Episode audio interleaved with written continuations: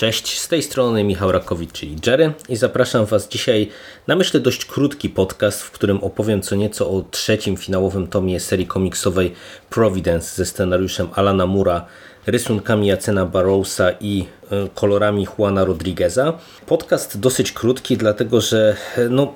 mamy do czynienia z trzecim tomem, który tak naprawdę kontynuuje większość tego, e, co było w tomach pierwszym i drugim, co jest dosyć naturalne. I tak naprawdę problemy, które ja mam z tą serią,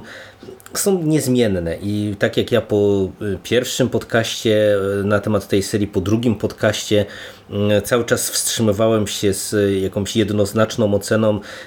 ze względu właśnie na to, że trudno mi było ocenić, czy tak naprawdę Mur ma pomysł jakiś na tą serię, czy, czy ten finał będzie satysfakcjonujący, czy nie to powiem Wam, że po lekturze tego trzeciego tomu tak naprawdę no, tak samo nie wiem, co o tej serii sądzić, jak po tych y, odsłonach wcześniejszych. Ale dlaczego tak jest, no to pokrótce Wam opowiem. E, w tomie trzecim powracamy oczywiście do e, opowieści Roberta Blacka. E, na tym etapie już Black poznał Lovecrafta, zaprzyjaźnił się z nim i tak naprawdę pierwsze dwa zeszyty E, to jest e, no, dalsza historia e, znajomości Blacka z, właśnie z Lovecraftem oraz stopniowe poznawanie historii rodziny przede wszystkim Lovecrafta, co jak się okaże będzie miało fundamentalne i kluczowe znaczenie dla całej tej opowieści. E, te dwa pierwsze zeszyty z jednej strony są dosyć spokojne, e, bardzo mocno zanurzone w tych wątkach e, biograficznych, o, o których ja mówiłem już w, w tych wcześniejszych podcastach,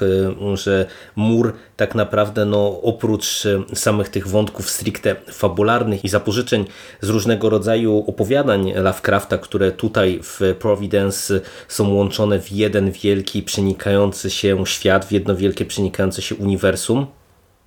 czerpie pełnymi garściami z życiorysu Lovecrafta i pisarzy e, jemu ówczesnych, współczesnych, e,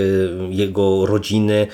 przyjaciół, znajomych. Te dwa pierwsze zeszyty e, to bardzo mocno kontynuują, co tak naprawdę doprowadza do przełomu. E, w kolejnej odsłonie e, Black dowiaduje się pewnej tajemnicy, która łączy Lovecrafta bezpośrednio z całym śledztwem, które on prowadził w kontekście całej tej organizacji Stella Sapiente, w kontekście księgi Halego, w kontekście wszystkich tych niesamowitości, których doświadczał. I to tak naprawdę doprowadza do jego załamania. Do załamania e, Blacka, e, takiego typowego załamania rodem właśnie z opowieści Lovecrafta, gdzie tak naprawdę mm, umysł postaci, która e, no, nagle zagląda za kurtynę tego nienazwanego, no, po prostu przestaje ogarniać, załamuje się pod naporem tej wiedzy co doprowadza do tragedii. E, I właśnie te, w tym zeszycie 11 z jednej strony mamy e, pokazane reperkusje tego załamania Blacka, który to tak jak wspomniałem, no, dowiedział się e, to tak naprawdę no, co co, co, co próbował zrozumieć, za czym podążał przez te wszystkie miesiące podróży swojej po Stanach Zjednoczonych. Zrozumiał, jaka jest rola Lovecrafta w tym wszystkim, no i doprowadza go to no, do określonych decyzji, e, które są już decyzjami bez powrotu. E, cała historia Blacka e, ma całkiem ciekawą i interesującą klamrę z początkiem całej opowieści i, i tym, co zainicjowało w ogóle podróż Roberta Blacka po Stanach Zjednoczonych. My e, od tego momentu e, zaczynamy śledzić historię śledztwa, ale nie śledztwa Blacka, tylko śledztwa e, Toma, Tomasa Malona, czyli też postaci, którą no, poznaliśmy w jednym z wcześniejszych tomów. Z jednej strony, z drugiej strony widzimy na tak naprawdę pojedynczych kadrach różnego rodzaju nawiązania, wstawki, motywy ponownie do tego wszystkiego, co, do czego nawiązywał Mur wcześniej, czyli widzimy z jednej strony nawiązania do różnego rodzaju pisarzy, już nie tylko współczesnych Lovecraftowi, dlatego że w tym zeszycie zaczynamy bardzo mocno uciekać do przodu, jeżeli chodzi o linię czasową. I tak naprawdę z jednej strony, e, oczywiście zaczynając jeszcze od czasów Lovecrafta, widzimy e, różnych pisarzy e, jemu współczesnych i, i tego, jak ich losy często się kończą. Widzimy różnego rodzaju nawiązania do opowiadań Lovecrafta i stopniowo e, jakby przesuwamy się ku współczesności. Widzimy, jak ten Lovecraftowski mit e, zaczyna funkcjonować, jak e, tak naprawdę coś, co no, było przez Lovecrafta tworzone jako opowieści grozy, opowieści niesamowite, opowieści, które miały wywoływać określone emocje, staje się to wszystko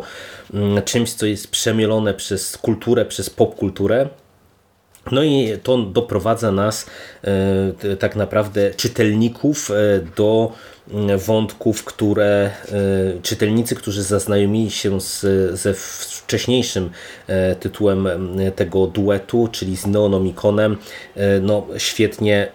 będą znali, dlatego że w tym momencie na styku zeszytów 11 i 12 finałowego zeszytu całej tej opowieści okazuje się, że Providence jest tak naprawdę sequelem i prequelem właśnie do historii, którą poznajemy w Neonomikonie. Co jest w mojej ocenie zabiegiem o tyle e, mocno dyskusyjnym, że ja jako e, jedna z tych osób, e, o czym mówiłem zresztą też w pierwszym podcaście, która się za Neonomicon po bardzo złych recenzjach tak naprawdę tego komiksu, bo, bo na, wydaje mi się, że ja chyba nie, nie widziałem ani jednej tak naprawdę pozytywnej opinii o tym komiksie. Widziałem takie głosy, które potrafiły docenić właśnie zabawę mm, Lovecraftowskimi nawiązaniami i, i schematami i odniesieniami do, do Lovecrafta w tymże tytule, ale bardzo nieliczni czytelnicy chwalą Neonomicon. Ja po ten komiks nie sięgnąłem, no i nagle zostajemy wrzuceni w wątki kontynuujące y, historię właśnie z tamtego tytułu. Co tak jak wspomniałem jest mocno dyskusyjne, bo e, u mnie osobiście wzmogło to e, bardzo duże takie, takie poczucie zagubienia. I z jednej strony, wiecie, samo w sobie to nie jest niczym złym, dlatego że ten e, zeszyt 12 i cały finał tej historii jest tak naprawdę e, tak mocno prowadzony na granicy jawy i snu, na granicy przenikania się różnych rzeczywistości, na granicy mm, czegoś, co jest naukowo wytłumaczalne i kompletnie oderwane od rzeczywistości. E, na granicy łączących literacką fikcję i e, no, ponownie biografię e, współczesnych osób. Pojawia się między innymi przecież w finale sam Yoshi, czyli człowiek, który jest uznawany za chyba najwybitniejszego badacza twórczości Lovecrafta i tak dalej, i tak dalej, więc wiecie, to, teoretycznie to poczucie zagubienia, e, które e, towarzyszy czytelnikowi niezaznajomionemu z Neonomikonem, e, można wpisać po prostu w pewne wrażenia, które chciał na czytelnikach Mur wywrzeć. Natomiast no, nie zmienia to postaci rzeczy, że wydaje mi się, że e, no, chyba jednak no, Neonomicon lepiej znać, aby e, no, te konteksty wszystkie, które tutaj dostajemy w tymże finale załapać. Natomiast e, ja cały czas nawiązywałem do tego, że mam problem z tym, tą serią, dlatego że z jednej strony mur robi niesamowitą robotę w kontekście y, nawiązań literackich i y, biograficznych, bibliograficznych i w tym tomie jest tego przeogromnie dużo. Tak naprawdę o ile e, w tych wcześniejszych tytułach tak e, jakby się przyjrzeć temu, to jednak dominowały te nawiązania literackie, e, tak jeżeli poczytacie sobie tutaj ten, ten leksykon nawiązań Lovecrafta przygotowany przez Mateusza Kopacza, to widzimy, że tego w tym trzecim tomie jest niesamowicie dużo, ale już właśnie z przesunięciem akcentów na te wątki biograficzne różnych postaci, nie tylko Lovecrafta, ale także postaci z nim związanych, czy osób, które nie wiem, kontynuują jego tradycje w pewien sposób, są badaczami jego twórczości itd., tak itd. Tak E, oczywiście tutaj nawiązań do samych opowiadań jest też co niemiara, ale tak jak wspominam, one trochę schodzą na dalszy plan. E, też konstrukcja jest nieco inna, no bo e, w tamte wcześniejsze tomy były skonstruowane w ten sposób, że mieliśmy zeszyt komiksowy przeplatany reptularzem Blacka. Tutaj mamy już tylko dwa wpisy do tego reptularza one są nadal tak samo przeokrutnie męczące jak w drugim tomie. Y, y, kompletnie nie jestem w stanie zrozumieć, dlaczego e, tutaj Mur się zdecydował na tego rodzaju zabieg formalny, bo y, powtórzę dla tych, którzy nie słuchali może tego drugiego podcastu albo go nie pamiętają, nie odświeżali go przed tym dzisiejszym że o ile w pierwszym tomie te rzeczy, które dostawaliśmy w Reptularzu, one stanowiły bardzo ciekawe uzupełnienie, bo tam się okazywało, że Black e, pisze e, czasem o nieco innych rzeczach, których nie widzieliśmy w, na kartach komiksu, e, nadaje kontekst pewnym scenom, pewne rzeczy trochę są w tym Reptularzu przedstawiane w innym świetle, w, jakby z innego punktu widzenia i to nadawało tym samym zeszytom komiksowym dosyć ciekawego kontekstu.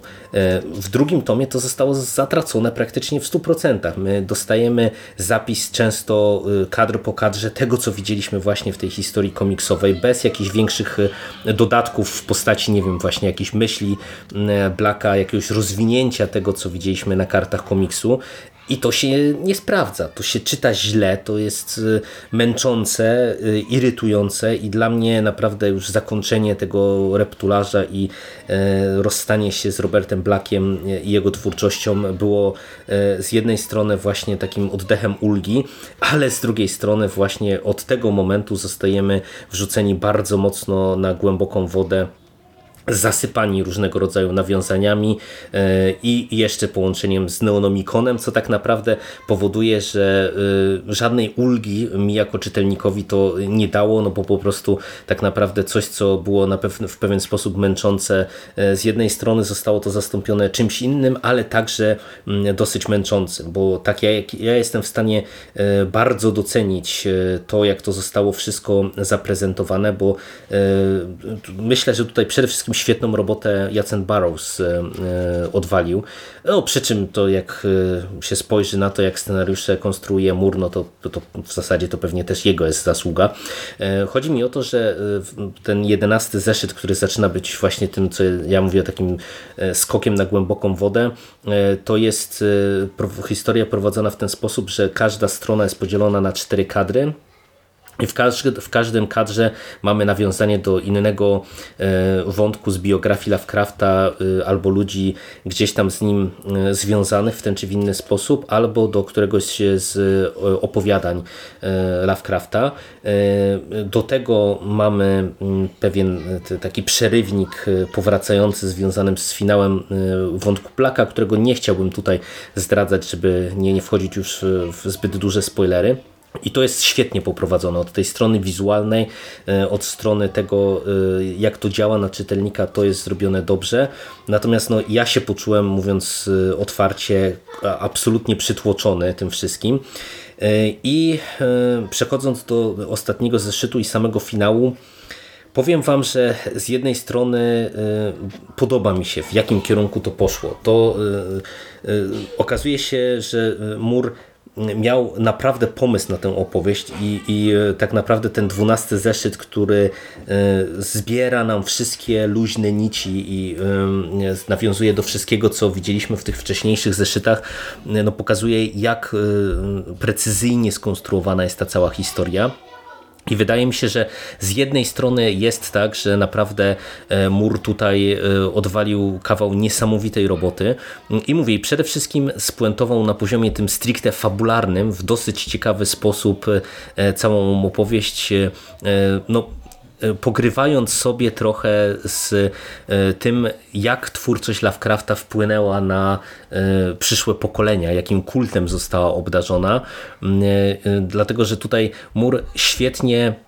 bawi się tak trochę tym wszystkim na poziomie, e, wiecie, meta, gdzie e, z jednej strony mamy te nawiązania rzucone wprost, wszystkie, o których mówiłem, że mamy pokazane na przykład to, jak twórczość Lovecrafta przeniknęła do popkultury, z drugiej strony Mur nadpisuje nad tym warstwę realnego wpływu twórczości i opowieści Lovecrafta na kreację świata przedstawionego. I to jest coś fascynującego, to jest coś, co mi się podobało w tomie drugim, gdzie tam mieliśmy mm, cały zeszyt, który dosyć mocno się skupiał na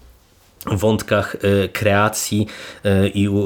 kreowania świata za pomocą słów, za pomocą tego, mm, jak nie wiem, ludzie dane słowa, czy to czytane, czy, czy mówione, odbierają i jak to potrafi wpływać na świat. To jest bardzo ciekawe.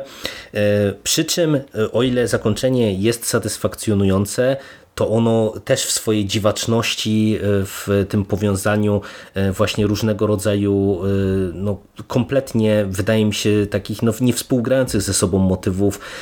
i, i postaci. Jest dla mnie takie mocno rozbijające mnie. Ja nie, nie wiem, co o nim sądzić i e, mówiąc otwarcie, kompletnie nie wiem, co sądzić e, o Providence jako o e, całej serii komiksowej. W zasadzie ja byłem rozdarty i, i po pierwszym tomie, i po drugim i jestem rozdarty nadal. No, jeżeli jest, ktoś jest fanem twórczości Lovecrafta, Myślę, że może sięgnąć po Providence i potraktować to, y, ten komiks jako właśnie taką ciekawostkę, jako y, uzupełnienie y, w pewien sposób wiedzy, no bo tutaj no naprawdę największe brawa to mam wrażenie przy tym polskim wydaniu to się należą Mateuszowi Kopaczowi, który po prostu mm, opatrzył to naprawdę solidnymi przypisami, bez których wydaje mi się, że pewnie z 80% kontekstów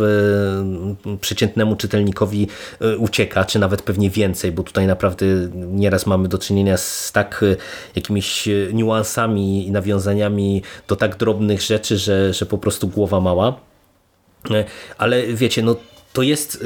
na swój sposób taka no E, bibliograficzna ciekawostka, ja bym powiedział, tak? takie ciekawe uzupełnienie do twórczości HPL-a e, i e, tego, no, co widzimy na co dzień. To wiecie, to nie jest proste przetworzenie motywów znanych z prozy Lovecrafta ku uciesze gawiedzi, jak to, nie wiem, chociażby mamy do czynienia w, twór w twórczości Edwarda Lee i, i tak jak, nie wiem, jak chociażby z Pawłem Mateją omawialiśmy dla Was jeden z tytułów do mocno nawiązujących do jego twórczości, czyli czyli zgroza w InSwitch, mm, ale jak wywołałem Edwarda Lee, mój problem z e, tym tytułem jest taki, że o ile z jednej strony mm, to jest naprawdę pokaz y, erudycji, oczytania i y, takiej naprawdę pełnej kontroli nad y, materią, którą się tworzy, bo, bo to jest niesamowicie precyzyjny komiks, który funkcjonuje właśnie jako, jako pewna metanarracja, bawi się różnego rodzaju nawiązaniami i tak dalej, i tak dalej ale z drugiej strony on w wielu momentach y, wchodzi y, na takie tony, y, robi takie rzeczy fabularnie i w ten sposób pogrywa sobie z czytelnikiem, że to, co krytykowaliśmy właśnie w przypadku Edwarda Lee, czyli takie bardzo instrumentalne podejście do Lovecrafta, no, zaczyna się mur niebezpiecznie zbliżać do tej granicy. Ja osobiście mam wątpliwości, czy to nawet nie jest tak, że on tę granicę zwyczajnie przekracza e, w niektórych momentach co powoduje, że no, dla mnie staje się to wszystko e, bardzo dyskusyjne. E, do tego e, w tym tomie ponownie Mur serwuje nam kilka bardzo mocnych scen i nawiązań takich motywów erotycznych, które dla mnie w jego twórczości są no, też bardzo mocno dyskusyjne. Ja już to podkreślałem, a w tym konkretnym dziele, w tym konkretnym komiksie to w jakim kontekście też e, dostajemy e, te niektóre sceny. Mnie to osobiście bardzo mocno wybijało, bo ja nie do końca e, wiem, jaki poza wywołaniem dyskomfortu u czytelnika efekt mur w zasadzie chciał osiągnąć, jaki był cel tego, tego wszystkiego. I także, wiecie, to jest komiks, który jest naprawdę bardzo trudny w ocenie, bo z jednej strony jest to ciekawa rzecz i ja nie żałuję absolutnie, że Providence przeczytałem, z drugiej strony to jest jeden z takich tytułów, e, które jest bardzo, bardzo trudno komukolwiek polecić, bo wydaje mi się, że jeżeli ktoś nie zna twórczości Lovecrafta, to po prostu od Providence raczej się odbije, e, bo no, jednak fabuła jest na tyle mocno skupiona na tym, e, co gdzieś tam możemy znać i kojarzyć, że no, czytelnik, który w tym tego nie liznął, w tym jakoś nie siedzi, raczej będzie zagubiony, bo po prostu wydaje mi się, że ta opowieść jako autonomiczna historia, czytana w zupełnie, zupełnie od, w oderwaniu od twórczości i życiorysu Lovecrafta, sprawdza się średnio. Z drugiej strony właśnie, jeżeli ktoś jest fanem, no to nawiążę do tego, co powiedziałem po pierwszym tomie. Z jednej strony mm, mamy tak, że mm, szczególnie ten początek, pierwszy, drugi tom, e, to są często całe zeszyty, które wprost prawie, że adaptują nam e, w nieco innym świetle tylko e, niektóre z opowiadań Lovecrafta. To się zmienia w toku opowieści i, i właśnie już ten trzeci tom z tym naciskiem na biografię Lovecrafta już idzie w inną stronę, Natomiast właśnie też e, to, jak to zostało wszystko zaprezentowane, w jakim świetle nieraz jest e, prezentowany Lovecraft, e, jak, jaka jest rola jego w, w całej tej historii, no to to mówię, to wszystko powoduje, że ja mam wrażenie takiego, takiego no, bardzo dyskusyjnego pogrywania sobie właśnie z wizerunkiem i, i z tym, co Lovecraft tworzył nie dojdę tak naprawdę do, do jakiejś jednej sensownej konkluzji. E, jeżeli jesteście fanami, sprawdźcie, przy czym no, to, to, też jest w ogóle coś, co będzie bardzo dziwaczne z mojej strony, ale to już chyba trzeba sprawdzić to w całości, bo wydaje mi się, że jednak e, ta, ta historia rozwija się na tyle i tak zmienia e, te kierunki, że tak naprawdę, nie wiem, sięgnięcie po pierwszy tom niewiele wam powie, bo mimo tego, że to jest spójna opowieść i, i bardzo konsekwentnie prowadzona, no to chociażby właśnie ze względu na to, co wszystko wszystko, na to wszystko, co mówię o trzecim tomie, no to, to jednak nie będziecie mieli pełnego obrazu tej historii e, bez przeczytania jej w całości, a do tego jeszcze pewnie by trzeba było sięgnąć po ten nieszczęsny Neonomicon. Eee, nie wiem, trudna decyzja przed Wami, drodzy słuchacze. Yy, no, ja, tak jak wspomniałem chwilę wcześniej, mimo wszystko jestem zadowolony, yy, że po to sięgnąłem, bo zmierzyłem się z jakimś tam wielkim, ważnym tytułem, który był na różnego rodzaju topkach horrorowych tytułów. No i, i i na pewno jest to pozycja interesująca, a to, że pewnie większość z Was od niej się odbije, to już jest zupełnie inna historia. Ode mnie na dzisiaj to wszystko. Dzięki i do usłyszenia w przyszłości. Cześć.